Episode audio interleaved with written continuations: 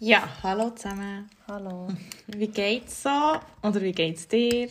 Mir geht's gut. Juhu, ich fange wieder genau gleich an wie Wir haben du. kein Licht.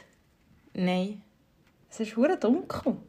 ich weiß nicht. M- m- Sind unsere Kartonkisten irgendwie geschrumpft? Ich weiss, nein, eigentlich nicht. Aber sie sind... Ah, letztes Mal haben wir das coole Zelt. Ja, das stimmt. Jetzt müssen wir wieder ein cooles Zelt machen. Hey, weißt du, was ich jetzt gerade gesehen Was? habe? Wir haben hier mal eine Challenge angefangen. Ah ja, sch- Ein Monat misslungene Kommunikation zwischen Mann und Frau. Oh.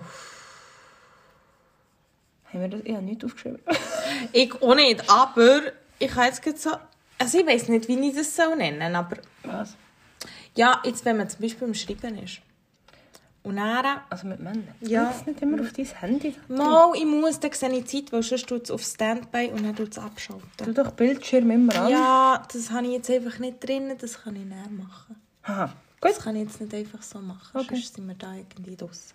Gut. Aber was Genau. hast du sagen wegen dem Schreiben? Nein, ich, ich, ich bin gerade so...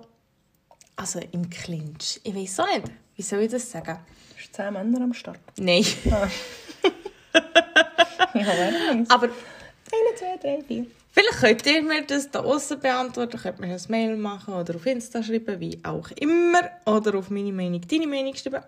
Aber Aber kann ich dir ja helfen. vielleicht kannst du mir noch Ja. helfen. Ja, aber...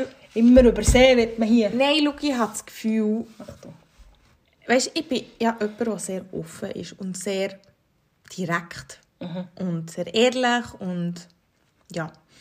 Und ich habe dort immer das Gefühl, wenn ich jemanden cool finde, dann gebe ich eigentlich recht viel. Oder dann mache ich auch gerne etwas mit demjenigen oder irgendwie so.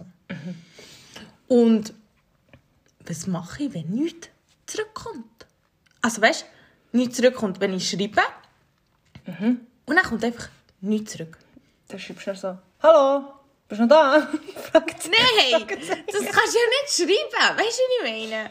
Der, der hat dann erst das Gefühl, was ist das für ein Monster, das da irgendwie, oder wie soll ich sagen, so eine, so eine aufdringliche Frau oder so. Ich weiss das Also, auch nicht. ich kann dir mal aus meiner Erfahrung...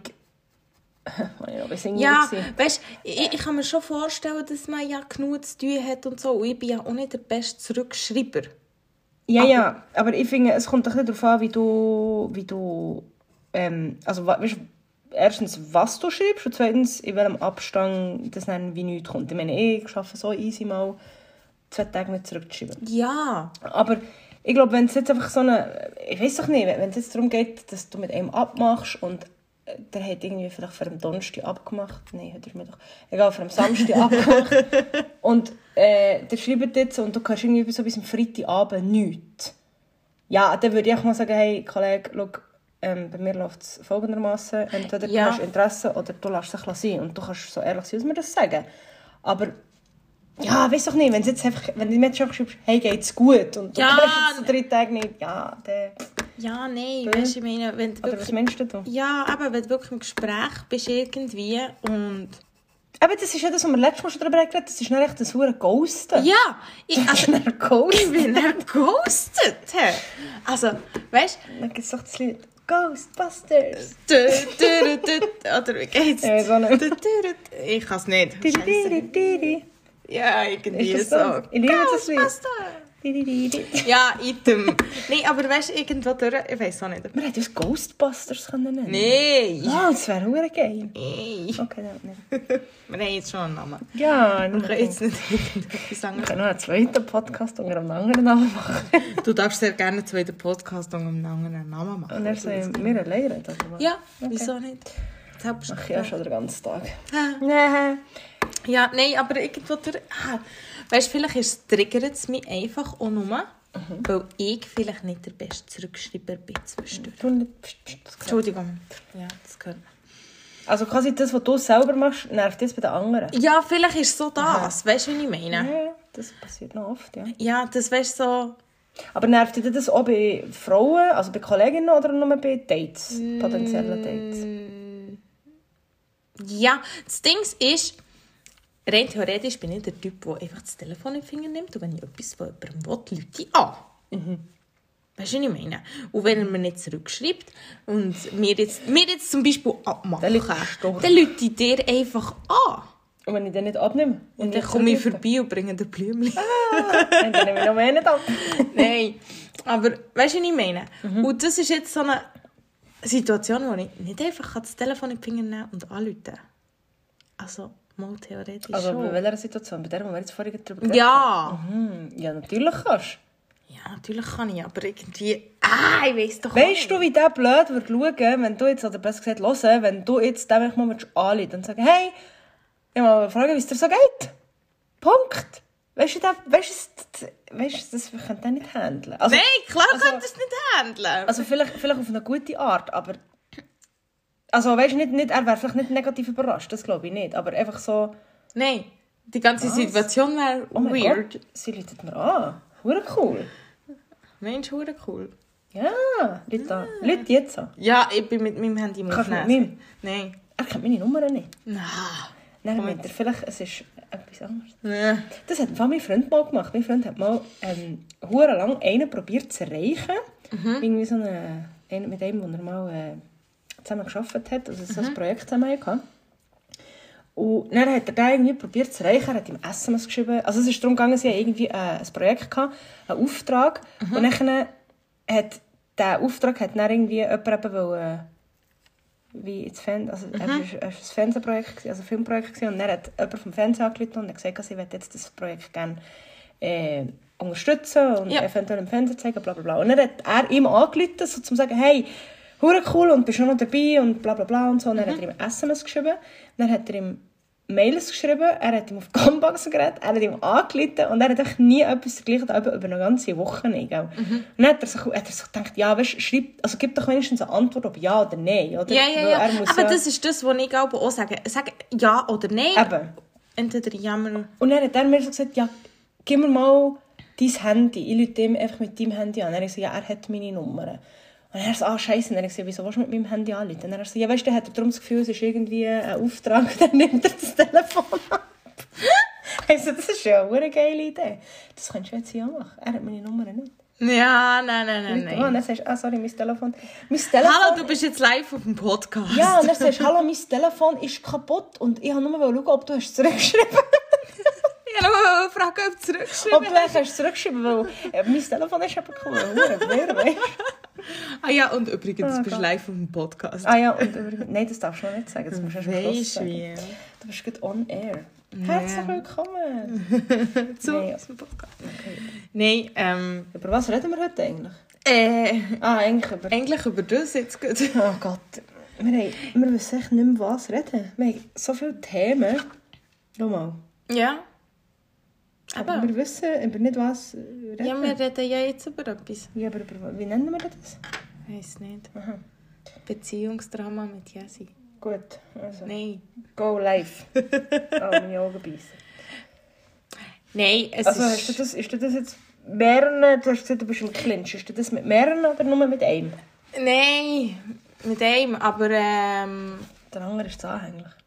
Nein. Nein, nein, nein. Nein, nein, ich will da nicht äh, zweigleisig fahren. Das habe ich aber im definitiv Fall mal nicht. gehabt. Ich habe Was? mal... Zweigleisig? Nein, nein, nicht zweigleisig.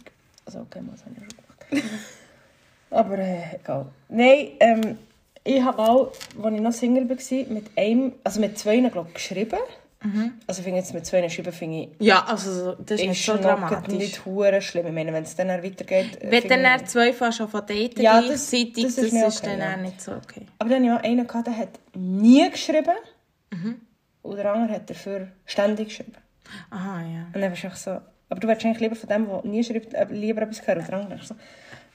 Schreib mir nicht so viel, schreib du mir lieber mehr. Schreib ja, du mir ja, nicht so ja. viel, schreib du mir lieber mehr. Ja. Ich, ich bin so froh, bin ich nicht mehr Single. Hey, ich glaube, ich würde auch... äh, Ich weiß nicht, ich wäre auch überfordert in dieser ganzen Welt. Ja, ich weiss halt auch nicht, für die ganzen Singles hier außen. Es ist nicht einfach, würde ich jetzt mal meinen. Jetzt habe ich gerade ein gutes Thema für unseren Podcast. Für unsere Was? Folge. Für jetzt? Für jetzt! Ja, also Single erzähl. oder Beziehung? Ja. Wir sind, hure, also, wir sind hure armselig. Wir suchen nach 10 Minuten, reden wir schon, dann finden wir erst das Thema. wow, okay. Ja, weißt also grundsätzlich muss ich ganz ehrlich sagen, jetzt ist es ein Jahr die ganze Situation, wo man nicht in den Ausgang kann und wie auch immer, das, was wir letzten, im letzten Podcast äh, diskutiert haben. Item. Aber es wäre schon mal, also ich muss ganz ehrlich sagen, es wäre schon mal cool, wieder jemanden wirklich so lernen zu kennen und äh, ja, hallo, wie geht's und schön und verlieben und keine Ahnung was. Also, Aber meinst das ist du- schwierig. Wie meinst du so? Echt so, nicht über Tinder? Oder Ja, genau. Über sonst irgendetwas? Genau. Sondern einfach mal, ich gehe jetzt einfach jeden Tag auf Münster bleiben und schaue, ob jeden Tag der gleiche Typ dort hockt, wo Wow, mir aber ich weiss gefällt. dann nicht, ob der... Wieso gefällt der dir? Nein, aber ich bin heute Ich- einfach dort zu Mittag essen. Ich habe heute einen gesehen, ich war heute im Büro am Arbeiten. gewesen. Ich habe heute einen gesehen, schwöre, der hat dir gefallen. Der hat dir, glaube ich... Ja, das Foto gemacht, verdammt. Ja, Aber der hat dir gefallen. Ich habe so gedacht, ich habe den so angenommen. Ich habe so gedacht, das wäre noch einer für dich. der hat sicher eine Freundin. Weißt du nicht, er ist nicht mit einem anderen... Also ich wollte ich wollt jetzt nicht überkommen, als wäre ich ein ruhig jammernder Single-Mensch im Fall, aber hey. Nur so, by the way, ich genieße mein Leben sehr, sehr gerne. Aber ich hätte einfach gerne mal wieder jemanden. Warte schnell, wie ist das letzte Mal gegangen? Man muss positiv denken. Du musst nicht Ja, sagen, ich- er hat eine Freundin, vielleicht hat er keine Freundin. Vielleicht ist er ja auch nicht äh, irgendwie sonst komisch. Ich meine, mir- äh, ist, ist, ist, ist, ist dir schon mal aufgefallen, dass es Frauen, dass Frauen hure oft, wenn sie einen Typ gut finden, dann so sagen, ja, er hat sicher eine Freundin oder er ist sicher das. Und wenn er keine Freundin hat, dann ist er, hat er ist er sicher ein Psychopath. Oder sie suchen immer irgendeine Ausrede. Ja, Vielleicht das ist er ja stimmt schon. einfach, ich meine, ich hatte das bei meinem Freund ja auch, gehabt, als ich ihn noch lernen kennen Und er hat mir schon das erste Mal gesagt, äh, ich, habe, ich möchte gerne mal, also ich bin mal, mal in Amerika gewohnt. Ich so, oh mein Gott, der muss irgend- irgendeinen Haken muss er haben, weil es ist fast zu perfekt, weißt du. Mhm, so. Ja, Ja, vielleicht bin ich auch so der Mensch, der Haken sucht. Haken. Haken. Also jetzt hässliche Typen oder Nein. oder Berliner? Das die Haken, die man aufhängen Haken. kann. Nein, ähm, Ja, aber wieso macht man das? ich, ich, Wieso? ich weiß es im Fall nicht. Oder ich bin auch so ein bisschen der Mensch, wie soll ich jetzt das beschreiben? Ich bin, ich bin gegenüber, also wenn ich so kommuniziere wie jetzt mit dir, bin ich voll easy. Ah ja. Also weißt du, so locker und easy. Ja, mit mir willst du auch nicht ins Nest, oder? Nein, Eben, aber darum, das liegt mit auch an dem. einem Typ auch. Und ich habe das Gefühl, ich bin dort wie nicht Aha. hart. Also weißt du, jetzt wie... Ich habe immer das Gefühl, ich bin die starke Persönlichkeit für einen Mann. Oder Hm. sie sind schnell überfordert mit meiner starken Persönlichkeit. Dort habe ich immer Schiss, weil es ist immer das, jetzt in der letzten Fälle, immer das, das Thema gewesen. Weißt du, was ich das Gefühl habe, was dein Problem ist? Nein. Das gleiche Problem, wie ich früher auch hatte, oft. Du bist der Kumpeltyp. Ja. Weil das Problem hatte ich auch ein bisschen. gehabt. Ich bin ja immer recht... Also weißt du, ich habe mit einem Typ gerade einfach offen über alles geredet und ich habe mich... Irgendwann habe ich aufgehört, mich zu verstellen. Weil der Mädchen wird ja sehr früh... Das finde ich ja so eine hohe Bescheuertheit. Bescheuertheit? Gibt es das Wort? Ich weiß nicht. Hure geil, wann habe ich es jetzt gerade erfunden? ähm, ich finde es echt dumm, dass man den Modis schon früh quasi eintrichtert, oder eintrichtert, einfach so ein bisschen mit auf den Weg gibt, du musst dich rar machen für einen Ja! was ist das für ein hure Kack? Ich meine, sorry, entweder er findet mich interessant oder er soll es einfach sein. Ja. Ich meine, das ist genau das gleiche bei einem Vorstellungsgespräch. Wenn du an ein Vorstellungsgespräch gehst, Mhm. du schnell zwei Tage vorher die Firmengeschichte in- und auswendig lernen und äh, verstellst dich von A bis Z. Ich meine, nein, ich komme dorthin, ich bin genau ich, wie ich bin. Ja. Mhm. Okay, vielleicht ein bisschen mit anderen Ausdrücken manchmal. Ja. Aber ich bin genau so, wie ich bin, weil irgendwann kommt ja die Wahrheit ans Licht. Ja, das, Also- das sowieso. Ich, ich habe einfach, ich weiß nicht, jetzt aber das Gefühl, überrennen die Typen. Ja, Oder eben, ich bin dann zu cool. Eben, aber das ist genau Der das. Kumpel, eben ja, der Kumpeltyp. Du bist dann so quasi die, die, die, die Art so Friends with Benefits. Also du gehst so ein bisschen... Ah, Merci für den. Nein, aber, nein, aber es ist ja so. Ja. Ich hatte das Problem auch gehabt. Weißt du, was ich meine? Ja. Ich bin hure gut mit den Typen eigentlich ausgekommen. Und dann irgendwann haben sie so gefunden, ah ja, ja, wir könnten ja mal zusammen in die Kiste. Und dann ist aber wie... Und dann habe ich immer so gedacht, hallo, ich bin doch Beziehungsmaterial. Ja, ich finde mehr ein Beziehungsmaterial. Wirklich, im Fall. Also ich weiß nicht, wärst so eine gute Freundin. Weil, hey, ich bin so, ich bringe Kaffee ins Bett, ich bringe... Ich, ich, ich Du bringst tue- Kaffee. Ja, das, Ja. das machst du im- im ersten, in der ersten Woche. Ja. Nein, das habe ich noch sonst länger gemacht in meiner vorderen Beziehung. Ja. Ich finde das etwas Schönes. Ich bin- Aber das Ding ist, ich bekomme dann nichts retour.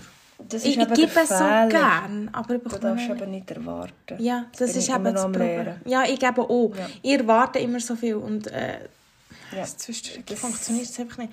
Weißt du, dann schauen wir eben so Schmöker an und dann denke ich, Aber und die weißt, Beziehungen gibt es eigentlich gar nicht. genau, ich habe jetzt gerade etwas zu dem wollen sagen. Also zuerst noch zum Kaffee. Ich habe in der, erst, in der ersten Nacht, als ich bei meinem Freund war, ja, wir haben sie in der ersten Nacht. Mhm. Okay, ja, ist gut. Ich bin in der ersten Nacht bei ihm geblieben. Egal. Bin ich am Duschen gewesen am Morgen und dann kommt er so rein und sagt so, ich tue dir jetzt den Kaffee da herstellen. Wie bitte? Und dann ich so, oh mein Gott, kann ich dich bitte heiraten? und ich so, hure geil. Er bringt mir meinen Kaffee in die Dusche rein und stellt es auf das Bründchen, gell? Ja. Und ich so, wow, dann hat er das so ab und zu gemacht. Jetzt heute nicht mehr so. Äh, jetzt, das, jetzt manchmal kann ich froh sein, wenn ich noch ein Tassli bekomme. Nein, Spaß, das ist jetzt gemein. Aber dann letztens, am Sonntag irgendwie, ist er irgendwie um 7 Uhr erwacht und dann hat er so, ja, ich muss jetzt aufstehen, ich kann nicht mehr, äh, ich kann nicht mehr schlafen. Und dann habe ich so gesagt, weißt du was, jetzt gehst, du- stehst du auf und machst einen Kaffee. Und dann bringst du es mir ins Bett. Und dann er so, also was, soll ich dir jetzt einen Kaffee ans Bett bringen? Ich so, äh, ja. Also, äh, nochmal festhalten, wir sind mittlerweile dreieinhalb Jahre zusammen. Äh, ja. Und dann ist er mir das Kaffee ans Bett bringen, dann haben wir im Bett gekämpft. Ich so, ich kann das nicht jeden Tag machen, ist verdammt schön. Ja, dann ist es fünf Minuten gegangen, dann ist er wieder aufgestanden. Ja. Egal. Gegangen. Nein, was ich wollte sagen, wegen, dem- wegen der Erwartungen. Ja. Erzähl. Äh. Scheiße, jetzt weiß ich nicht mehr, was ich sagen wollte. Was haben wir vorhin geredet? Ja, Du wegen... erwartest ich- zu viel. Ja, oder besser gesagt, ich bekomme dann nicht retour. Also weißt, ich mache mega viel, aber erwarte eigentlich nicht, dass auch gleich viel retour kommt. Oder ich weiß nicht, wie Ja. ich das so sagen Aber dus das ist eben der Aber dus das ist eben der Fehler, ja, das weiß ich mittlerweile auch. Aber weißt du, ja schon nur beim Schreiben scheitert. Weißt du, wie ich meine? Da, aber, und, ich- und ich bin ja mittlerweile, also weißt du, es ist ja so, bei mir sind wir so. Das Weißt ist du, eine Idee, red weiter. ja, man schreibt hin und her, hin und her, hin und her. Dann irgendeinmal macht es einen Break. Dann nerv ich mich zwei Tage. Dann schreibe ich. Dann schreibst du so Weil ich, agro SMS. nein, weil ich einfach finde, sorry, im Fall. Aber, also das ist jetzt schon länger her. Das war letztes Jahr, gewesen, habe ich auch mit ihm geschrieben. Und dann, der hat nicht mal darauf geantwortet, als ich ihn gefragt habe. Ähm, eben, ghosted. ich so, ähm, hast du überhaupt in, irgendein Interesse an mir oder so? Hast du nicht mal dann etwas zurückgekommen? Also dachte ich, gut, das ist ja auch eine Antwort. Ich würde sagen, keine Antwort ist auch eine Antwort. Aber weißt du, du hast mir jetzt vorhin gesagt, wenn du etwas von jemandem willst, also jetzt nicht... äh, auf- Ich gebe mega gerne etwas. Ich, ich tue auch etwas dafür. Nein, aber ich meine, du hast gesagt, wenn du jemand- von jemandem etwas willst, und ich meine jetzt nicht, nicht Aha. Mhm. beziehungstechnisch, sondern einfach, wenn du allgemein von irgendjemandem etwas erwartest oder sagst, du willst jetzt von mir wissen, dann und dann und dann, dann läutest du an. Ja. Wieso läutest du nicht jetzt dann mal an? Oder weißt du, was wir jetzt dann mal machen? Wir zwei machen jetzt mal einen Ausflug zusammen. Hm. Und ich weiß ja schon, woher. Also nein, ich weiß noch nicht genau, woher. Ich muss dann noch genau fragen, wo er wohnt. dann gehen wir echt mal dorthin und dann sagst du, hey, ich bin jetzt irgendwo näher, ich habe Spack auf einen Kaffee. Ja, sorry, ich meine, ich kann ja einfach sagen nein oder ja. Also, Ja, ja, das ich, stimmt ich komme da schon nicht mit. Ich- Du mich darfst schon Ja, ja, ja, das ist schon gut. Ja, Weißt du, was ich meine? Aber ich habe irgendwie das Gefühl, das ist ja mein Problem. auch. Ich meine, wir warten immer zu viel. ja, voll. Jetzt, we- sorry, jetzt weiss ich nicht, was ich wollte sagen Was hast du wollen sagen? Wegen dem, du hast vorhin gesagt, dass die, die, die, was, Schmöker? Was stimmt? Du hast etwas gesagt von Schmöker oder Stöcker oder was? Mal, dass es, dass es solche Beziehungen gar nicht gibt. Aha, von diesen romantischen Liebesfilmen, Eben. Zeugs, eh, tralala. Ich liebe ja, das weißt du, ich liebe ja Country-Musik. oder? Yes. Genau. Und ich frage mich manchmal so, die Lieder, die ich höre, sie werden ja meistens von Männern gesungen. Also ich finde es hure interessant, dass Männer singen immer über wie können sie, oder weißt, eine Frau und die ist die Einzige. Und, Oh, Ja. und die, und Das die- wette ich auch. Genau, ja, das sorry, wette ich ich auch. frage mich, gibt es solche Typen überhaupt? Ja, ich weiß es nicht. Also, und auch wenn es sie gäbe, äh, es gibt sie sicher. Also weißt du, ich brauche ja aber- nicht so einen Aber die Frage kitschigen ist, wollen wir das nicht? Ja, nou. Also, nein. nein, eigentlich schon auch nicht. Aber einfach nur so ein bisschen mehr Aufmerksamkeit. Ja, aber weißt du, ich Das sag, Müh. Weißt du, wie ich meine? So. Einfach das. Aber ich sage mir jetzt, ich bin ja zum Beispiel auch jemand, ich bin sehr aufmerksamkeitsgeil. Also ich- man könnte auch meinen, ich, bin, ich habe ADHS oder so, ich weiß nicht. Das sagt man dem heutzutage so. Ich weiß nicht, wie Mal auf Aufmerksamkeitsdefizitsyndrom. Also ich bin Ja. jemand, ich brauche extrem viel Aufmerksamkeit. Liegt vielleicht daran, dass ich ein Einzelkind bin, sorry, kann ich leider nicht dafür, aber ich brauche wirklich viel Aufmerksamkeit. Ja. Und da mein Freund ja noch zwei Kinder hat, Bist du jetzt muss ich, muss ich, richtig die, dran? muss ich die eigentlich so ein bisschen wie dritteln, meine Aufmerksamkeit, nicht wahr? Und ähm, ich meine, das ist für mich eine hohe Herausforderung, weißt du, was ich meine? Manchmal denke ich mir manchmal so, ich, ich würde manchmal vielleicht auch mehr geben, aber weil, das ist eigentlich verdammt dumm, weil ich dann manchmal so das Gefühl habe, ja, wenn du mir jetzt die Aufmerksamkeit gibst, dann gebe ich dir die auch nicht. Eigentlich ist ja das behindert. Ich meine, eigentlich sollte man ja geben, ohne irgendetwas zu erwarten. Ja, das stimmt. Aber das ist hure schwierig, ich weiß, ich meine, ich kenne das selber, ich bin das auch immer noch am Lehren. Ich weiß nicht, ob ich das jemals lehre. aber Ja. Das ist so, ich weiß nicht, wie das andere Leute machen. Kann Ja. ich auch eine Selbsthilfegruppe oder so? Ja, wir können ja Selbsthilfegruppen Gibt es eine gründen. Selbsthilfegruppe für aufmerksamkeitsgeile Menschen?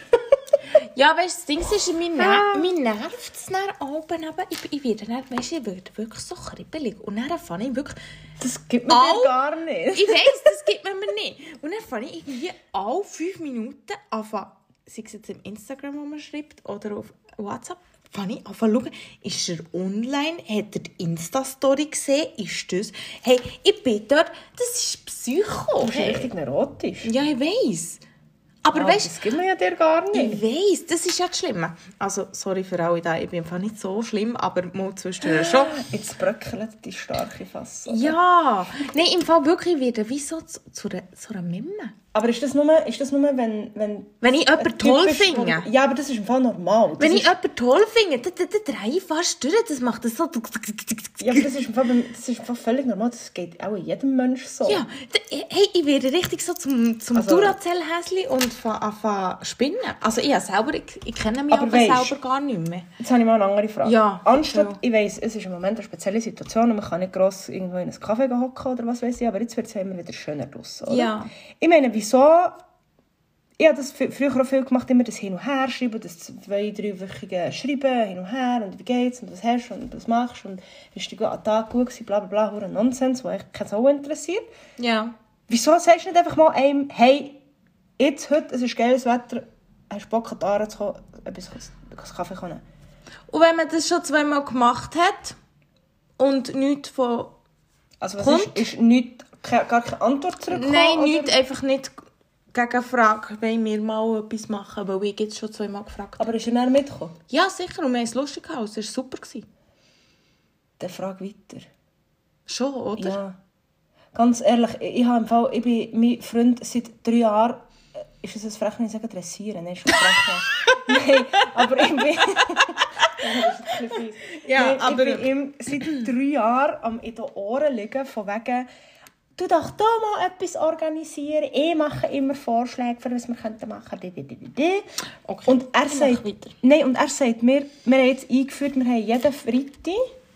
Einmal, also immer der erste Freitag im Monat haben wir Date Night. Ah ja, genau, Oder? das stimmt. Und ich, das haben wir eine Zeit lang hure oft gemacht, das war cool, gewesen, aber ich habe meistens das meiste organisiert.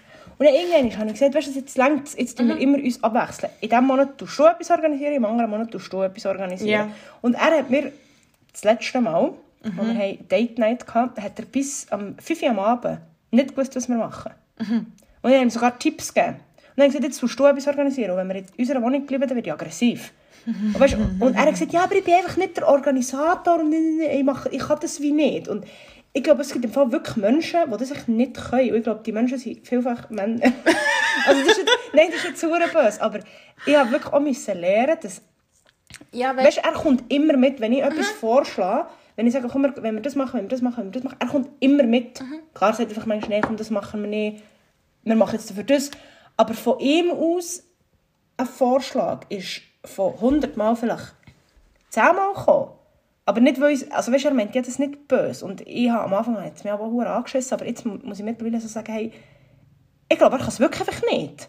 Mhm, Nicht, weil er es irgendwie, weil er zu blöd ist oder weil er es, Mhm. weil es noch anschießt, aber er hat einfach andere Sachen, die er besser kann. als der- Nee, ich habe jetzt eigentlich nicht das Gefühl, dass er jetzt nicht unternehmungslustig ist oder so in dem Sinn. Eben, aber das hat glaube ich, gar nicht mit dem zu tun. Ja. Ich glaube, es geht echt darum, dass er vielleicht die Initiative nicht kann ergreifen kann. Ja.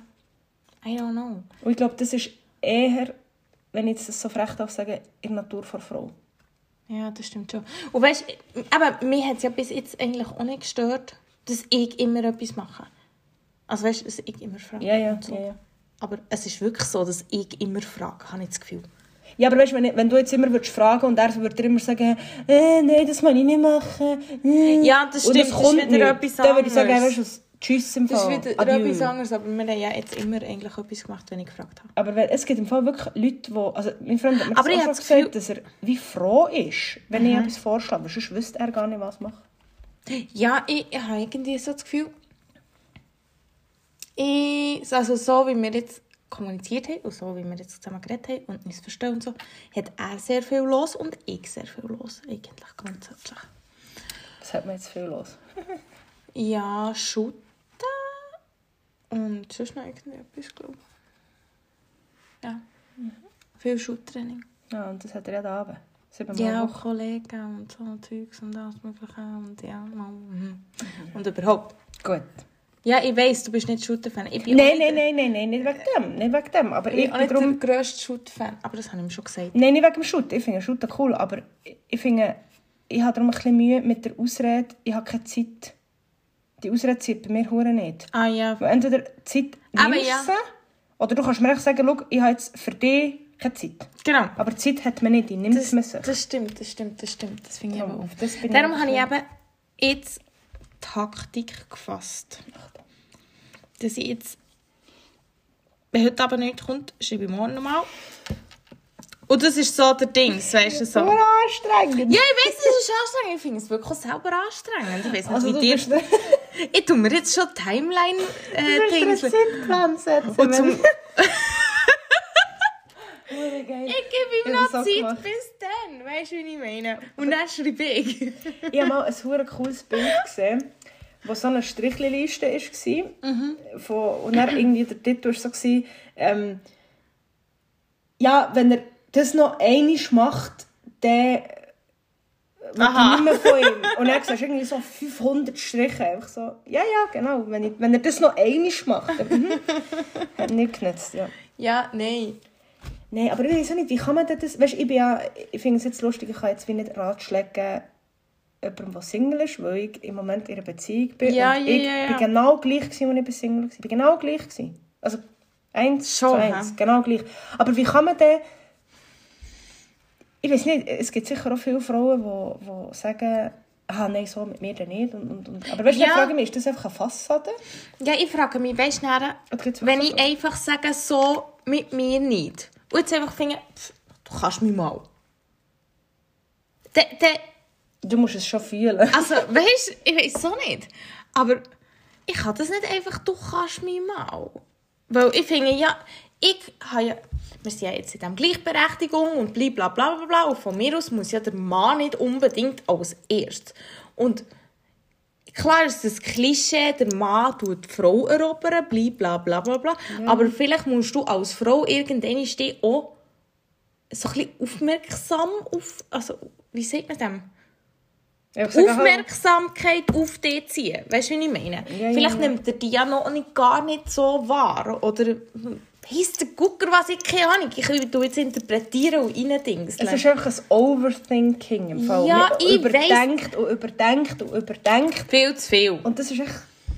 Also weißt, du, ich bin ja genau gleich. Ich bin genau gleich. Ich, meine, ich bin froh, ich, ich, ich überdenke schon, schon alles im Leben. Ich bin froh, muss ich mich jetzt um das nicht noch kümmern. Hm. Ja, zum Glück. Aber dann kommt, kommt- weißt, du, bei- in der Beziehung kommen dann ja auch Ja, ja, andere ja, ja. Sachen, wo man etwas überdenken kann. Also Ja, ja. von dem her. Ich glaube, das ist einfach Man's Brain, Woman's Brain, wie das Video, das wir gesehen haben. Genau.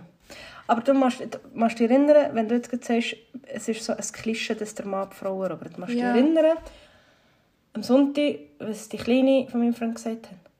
Sie hat doch gesagt, wir haben doch etwas gesagt von wegen Heirat. Dann hast doch du ihr gesagt, er soll mir einen Heiratsantrag machen. Ja. Dann hat doch sie gesagt, mach doch du einfach an Papa einen Heiratsantrag. Ja. Ganz einfach, ja. Ja. Warum nicht? Wieso muss das immer der Mann machen? Ja. Das stimmt schon. Also jetzt nicht, dass ich da will, äh, gegen den Heiratsantrag mache. Jetzt ist Ich es schon möchte- erledigt. ich Wenn er möchte- es gehört, dann ist alles fertig. Ah, er weiss es. Ich möchte schon gerne, dass er es macht. Aber, okay. Aber wenn es muss sein. aber es muss sein, dann mache ich es halt, okay. Nein, nein, nein, Spaß. Nein, aber ich Kannst du mir finde, als Güzi schenken und fragen, ob er die Vater hat? Das ist doch Güzi Ringbacher. er ist nicht so ganz süß. Ah, scheiße. Ja, egal. Egal. Ah ja. Ich kann mich ja anzünden. Wow, ich stehe in Flammen für dich. Sozusagen. Okay, das versteht jetzt niemand. Aber Nein. Ah, aber Ja, er hat einen speziellen Beruf, darum will Genau. ich ihn anzünden. Er ist nicht Feuerwehrmann. nein. Gehen wir weiter. Also, um Filmbranche. Es weiß eh schon jeder, was er macht. Es weiß auch jeder, wie er heisst. Aber ich sage jetzt hier den Namen. weil- Nein. Ja, die meisten Leute, die uns zulassen, Ah ja, eh. mich eh. stimmt. stimmt. Ja, nicht alle. Nicht? Meine Freunde hören ja auch zu, die kennen die vielleicht nicht. Ich bin anonym. Nein, aber... oh Gott. Was ist das für ein Erfolg hier? Blablabla. Aber Beziehung versus Single. Aber wieso macht man sich da immer so hohe Gedanken? Ich weiß es nicht im Fall. Vielleicht ist das einfach so eine Frauen. Ja, sicher ist es ein Frauendings. Machen das Männer auch? Ich weiß ich kann es nicht beantworten. Das Können muss wir man- mal einen Mann einladen? Wir möchten gerne mal männliche zu... Nicht Zuhörer. Männliche, männliche Interview- Unterstützung für so. Interviewpartner. Das wäre mal mega interessant. Ja. Ähm, wenn du da draußen bist und du es hörst und du einen hast oder Du Single einen bist und der Jasmin einen falsch. kennst oder was oder auch du selber keine Ahnung einfach ein Mann. Wir brauchen die als äh, Wir brauchen einen Mann. wir wollen deine Antworten zu unseren Fragen hier. Lass uns. Ja, genau. Ja. Wo man ehrlich und direkt zusammen kann schnurren Aber komm, das machen wir wirklich. Das, wär- das, Das würde mich wäre voll wirklich noch inter- lustig. Ich, du manchmal auch, als ich noch Single war und ich so Probleme hatte mit Männern, die nicht zurückgeschrieben haben oder so, bin ich von manchmal meine Arbeitskollegen gefragt. Es ist das Problem. Aha. Es, es, Ja. es, äh, es Nein, ist Mhm. Thema, eine Situation. Ja, aber Weißt du, wie ich das sorry, ich arbeite bei einem Coiffeur, ich habe keine männliche und kann nicht, nicht meinen Chef fragen. Das Weißt ist du doch ein nicht? mehr? männlicher Arbeitskollege. Ja. Also den Pete frage ich sicher nicht. Hey, warum nicht? Ja, Mal eine gute, äh, aus einer anderen Sichtweise. Also, weiß ich nicht. ja, können wir zusammen über die gleichen Männer diskutieren, die wir cool finden oder Ja. eben auch nicht. Aber äh, Ja, dann hast, du hast doch noch männliche Freunde. Dann frag doch mal die. Oder ist das auch so hoffnungslose Fälle? Wie du. Ah, merci. Das hat jetzt eine Sekunde gebraucht bis 20 Ding, Jahre. ding, ist. ding, Ding, ding, ding. Scheisse. Ähm, Ja, sie ist auch blond. Hallo! Wir nennen das heute Dissen. Heute bin ich blond. ne? Morgen auch noch. Morgen auch. noch. Nein, du nimmst rosarot drüber. Rot? Rosarot. Rosarot? Ja. Und dann bist du ein Einhorn, oder was? Ja. Hm. Schön. Wieso nicht? Du findest mehr, vielleicht musst du mehr auf, findest mehr auf dem Regenbogen. Mm, Egal. Nein, aber frag doch mal irgendeinen Kollegen von dir. Ich, würd, ich habe das im Fall abend gemacht. Ich bin abend zu diesen Herren und gesagt, ich brauche jetzt mal deine männliche, die männlichen Rat. Das mache ich am Freitag. Und das dann- ist gerade eine gute Idee. Es war mega lustig, gewesen, aber ich bin so voller Hoffnung hergegangen. Und dann kommt nichts. Und er, nein, nein, nein, er ist einfach so genau... Ah, okay, jetzt weiß ich noch genau gleich wie vorher. also, ja. es ist einfach so, ich glaube, Männer sind einfach... Ja, ja, ich glaube, der heißt einfach, ja, schreib doch einfach. Nein, oder, oder, Oder- eben, oder ja, weißt, Männer äh, brauchen auch mal ein bisschen ihren Freiraum. Aha, darum bist du auf Tinder. Hm. Also, was ich, weil manchmal fragen mich so, also, es gibt ja auch Frauen, die das machen, sagen wir jetzt mal, weil hier nicht mit Männern Ja, herziehen, ja, ja. aber was, du bist auf Tinder, und dann schreibst du mit einer und dann plötzlich machst du so, ups, jetzt sieht sie mich nicht mehr, uh, schreibe ich einfach nicht mehr. Ich meine, für was bist du denn getroffen? I don't know. Vor allem, du kannst ja wirklich eh, ganz ehrlich sagen, du, sorry, im Fall, es matcht gleich nicht. Ja, Und dort finde ich... Ist auch ehrlich. Ja, genau. Wieso tut man ghosten und wieso tut man nicht einfach sagen, oh, sorry, es passt nicht. Also, so, schreib ihm doch, ich habe eine Idee. Weißt du, was du einfach jetzt machst? sorry, es passt nicht. Huere gut. Nein. Schick ihm einfach das Lied. Schick ihm jetzt das Lied Ghostbusters. Dann, wenn er dich fragt, so, hä?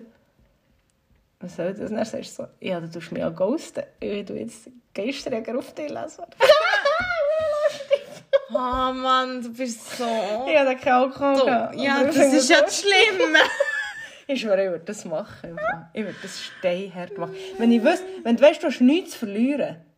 Vielleicht, vielleicht finde ich das hure geil. Ich würde dem jetzt einfach, schicke ihm einfach, schicke ihm einfach, schicke ihm einfach jetzt einen YouTube-Link zu Ghostbusters. Und dann fragt er dich eh, hä, was soll das? Und dann schreibst du, ja, du tust Du ja mir ja Ghost? offensichtlich ghosten. Also wenn ich dachte, ich schicke dir jetzt mal Ghostbusters vorbei. Sorry, das ist einfach... Das ist, Es ist schon lustig, dass, so, so dumm, dass es schon wieder geil ist. Weißt du, so etwas würde ich nie erwarten. Vor allem erstens reitest du nicht voll ins äh, Fettnäpfel rein. Also dann schnallt er mal so, ups, ups, ups. Und vielleicht denkt er so, hey, die ist verdammt schlagfertig. Von der habe ich Angst. Und dann meldet er sich nie mehr, weil er Angst hat vor mir. Hey, aber ma- ja, der ist eh ein Losch. Sorry. Ja, das stimmt auch wieder. Entschuldigung, excuse, aber ich finde... Ja, ich finde nicht um heiß. Also von welchem reden wir jetzt? Nein, also von dem, was wir vorher geredet haben. Ja. Also den, den ich auch kenne. Nein, Ah, nicht da. bei dem darfst du es nicht machen. Nein. Okay, ja, dann mach's doch einfach. mhm. Ist wirklich... Ich hoffe, oder ich kann auch einfach hoffen, dass er das hört und dann... äh, Lasst ihr unseren Podcast? Nein. Aber ja. Er hat mal gesagt, er will reinlassen, aber ich hoffe nicht, dass er bei dieser Folge reinlässt. Das ist wirklich, du darfst hier nicht hören. Ah ja. Und Nee, wenn, er, aber mach wenn er es doch. lässt, mach mal etwas. Tampi. Ja, ich komme ich vorbei. Äh, nein, aber mach das. Ich schwöre, ich würde das machen. Das ist jetzt eine hure geile Idee. Das ist meine beste Idee von heute. Ja, ich muss dann auch noch ein bisschen darüber Ich bin nachdenken. hure- ich bin hure Wenn ich jetzt- anspruchslos. sturzbetrunken wäre, würde ich es jetzt definitiv gut Nein, machen. eben nicht sturzbetrunken. Du musst Ja, es ich eben machen, weiss. einfach, wenn, du, wenn du so denkst, hey, weißt du was? So kannst kann ich schon lange. Ah. Kollegen und ich haben mal. Das muss ich jetzt schon erzählen. wir haben mal, dann sind wir noch beide Single, gewesen. wir haben beide Tinder gehabt, oder? Und er hat uns, hat ihr einen geschrieben, das ist schon, glaube ich, das erste Mal, wo wir Tinder haben runtergeladen haben, ich habe es zuerst schon einen Kack gefunden und dann haben wir, ähm, hat sie es runtergeladen und ich runtergeladen. Und dann haben wir auch natürlich so ein bisschen verglichen, weißt, wer schreibt uns und so. Dann hat uns einer geschrieben, dus also ihr einen geschrieben und mir. Also der gleiche? Gen, der gleiche, genau der gleiche Text. Er hat wirklich, wir haben erst so vielleicht drei, vier Sätze hin und her geschrieben und er hat jeden Satz kopiert. Etwa. Also wirklich eins zu eins. und, dann, ja, und dann haben wir so gedacht, hey, willst du mich verarschen? Und dann haben wir so gedacht, weißt du was, was du kannst, können wir schon lange. Und dann haben wir ihm so geschrieben, ja, was, es ist glaube ich Wochenende, was machst du am Freitagabend? Und dann hat er geschrieben, er macht das. Und er hat mir genau das gleiche geschrieben und ihr genau das gleiche. Aber nicht immer einen anderen Satz. Einfach genau. Genau das Gleiche. Genau gleich Also einfach Copy-Paste. Dann habe ich gedacht, okay. Und dann haben wir ihm geschrieben, ja, weißt du, wir gehen noch in Adventure Room. Ich gehe mit der Kollegin in Adventure Room und dann gehen wir noch in äthiopisch essen. Weißt du, so mit den Fingern und so. Keine Ahnung mehr, ich habe einen Kack geschrieben. Irgendetwas Und einfach. wir haben genau das kopiert Und bei ihr auch. und bei ihr angeschickt. Oder bei mir, ich weiß es nicht. Ja, ja. Dann ist mir auch jetzt 20 runter. Dann schreibt er mir so, ich glaube, ich schreibe mit ihrer Kollegin. Und ihr hat er das auch geschickt. Und dann wir so, ja, der Alter ist klein, gell? Hey, dann habe ich so gedacht, ja, sorry, wie hohl bist du? Echt, wie hohl bist du einfach? Ich meine, jetzt mal ernst. Ah, scheiße. Und dann, ähm, eben, ja, darum haben wir dann so gefunden, weißt du, du kannst, kann ich schon lange. Und wenn die einen kann ghosten kann, dann kannst du ihn ghostbustern. Ja, das stimmt. auch. Mach das, mach das jetzt, dann, bitte. Ich möchte zuschauen. Ich möchte- Ich fände es super lustig. Merkt man, dass ich schon lange in einer Beziehung bin. Ich finde so Single-Geschichten super spannend. Ah, scheiße. Ich finde, es ging schön, wenn sich andere über mein Leid amüsieren. Nein, du mich nicht über das Leid amüsieren. Aber ähm, Nein. du mich nicht über dein Ja. Leid amüsieren. So was. Dein Handy ist kaputt. Mein Handy ist ja. Tot. Nein. Ich tu mich nicht über dein Leid amüsieren, aber ich finde es lustig, dass du dir gleich viel Gedanken machst, wie ich mir habe gemacht habe, als ich Single war. Ja. Ja. Tausend andere Frauen. Weißt du, ich muss sagen, ich bin, äh, aber ich bin immer so cool. Und so chillig und überhaupt. Aber wenn es um so etwas geht, mache ich mir so viel übliche Gedanken. Ja, vor allem dann noch sagen, ich schreibe ihm sicher nicht. Der kann er schreiben. Ja. Und er, wenn er dann mal gut ist und nicht schreibt. Ja, voll. Mach das. Ich bin einfach strange, ich weiß es. Nein. eh, weißt, Nein, ich bin einfach eine Frau. Ich bin blond, hübsch, habe schöne Augen und habe einen super Charakter. Gut. ja, das kann ich nicht unterschreiben. Mit, de mit dem verabschiede ich mich. Also, weißt, ich war ja, ich bin ja erst 27 gewesen, was... ja, aber Das- also weißt, ich, ich, weißt, also das muss ich ganz ehrlich sagen, ich habe nicht einen Stress in dem Sinn, dass ich jetzt jemanden muss finden muss, für ein Kind zu haben und für ein zu Ah, heiraten und nein, so ich rede weiter. gar nicht von dem. Also, Aber Äh, du kommst dann irgendwann gar nicht. kommst schon so ein bisschen in ein Ding rein, wo du so findest, hey, im Ernst, will mich echt niemand. Also, Wenn du dann so weißt, gegen look, 30 gehst, look, denkst ich du- bin heute, heute habe ich ja so ein bisschen einen längeren Tag gehabt, also, und nicht, nicht ganz alles zu tun oder nicht so viel zu tun. Nein, mein Insta.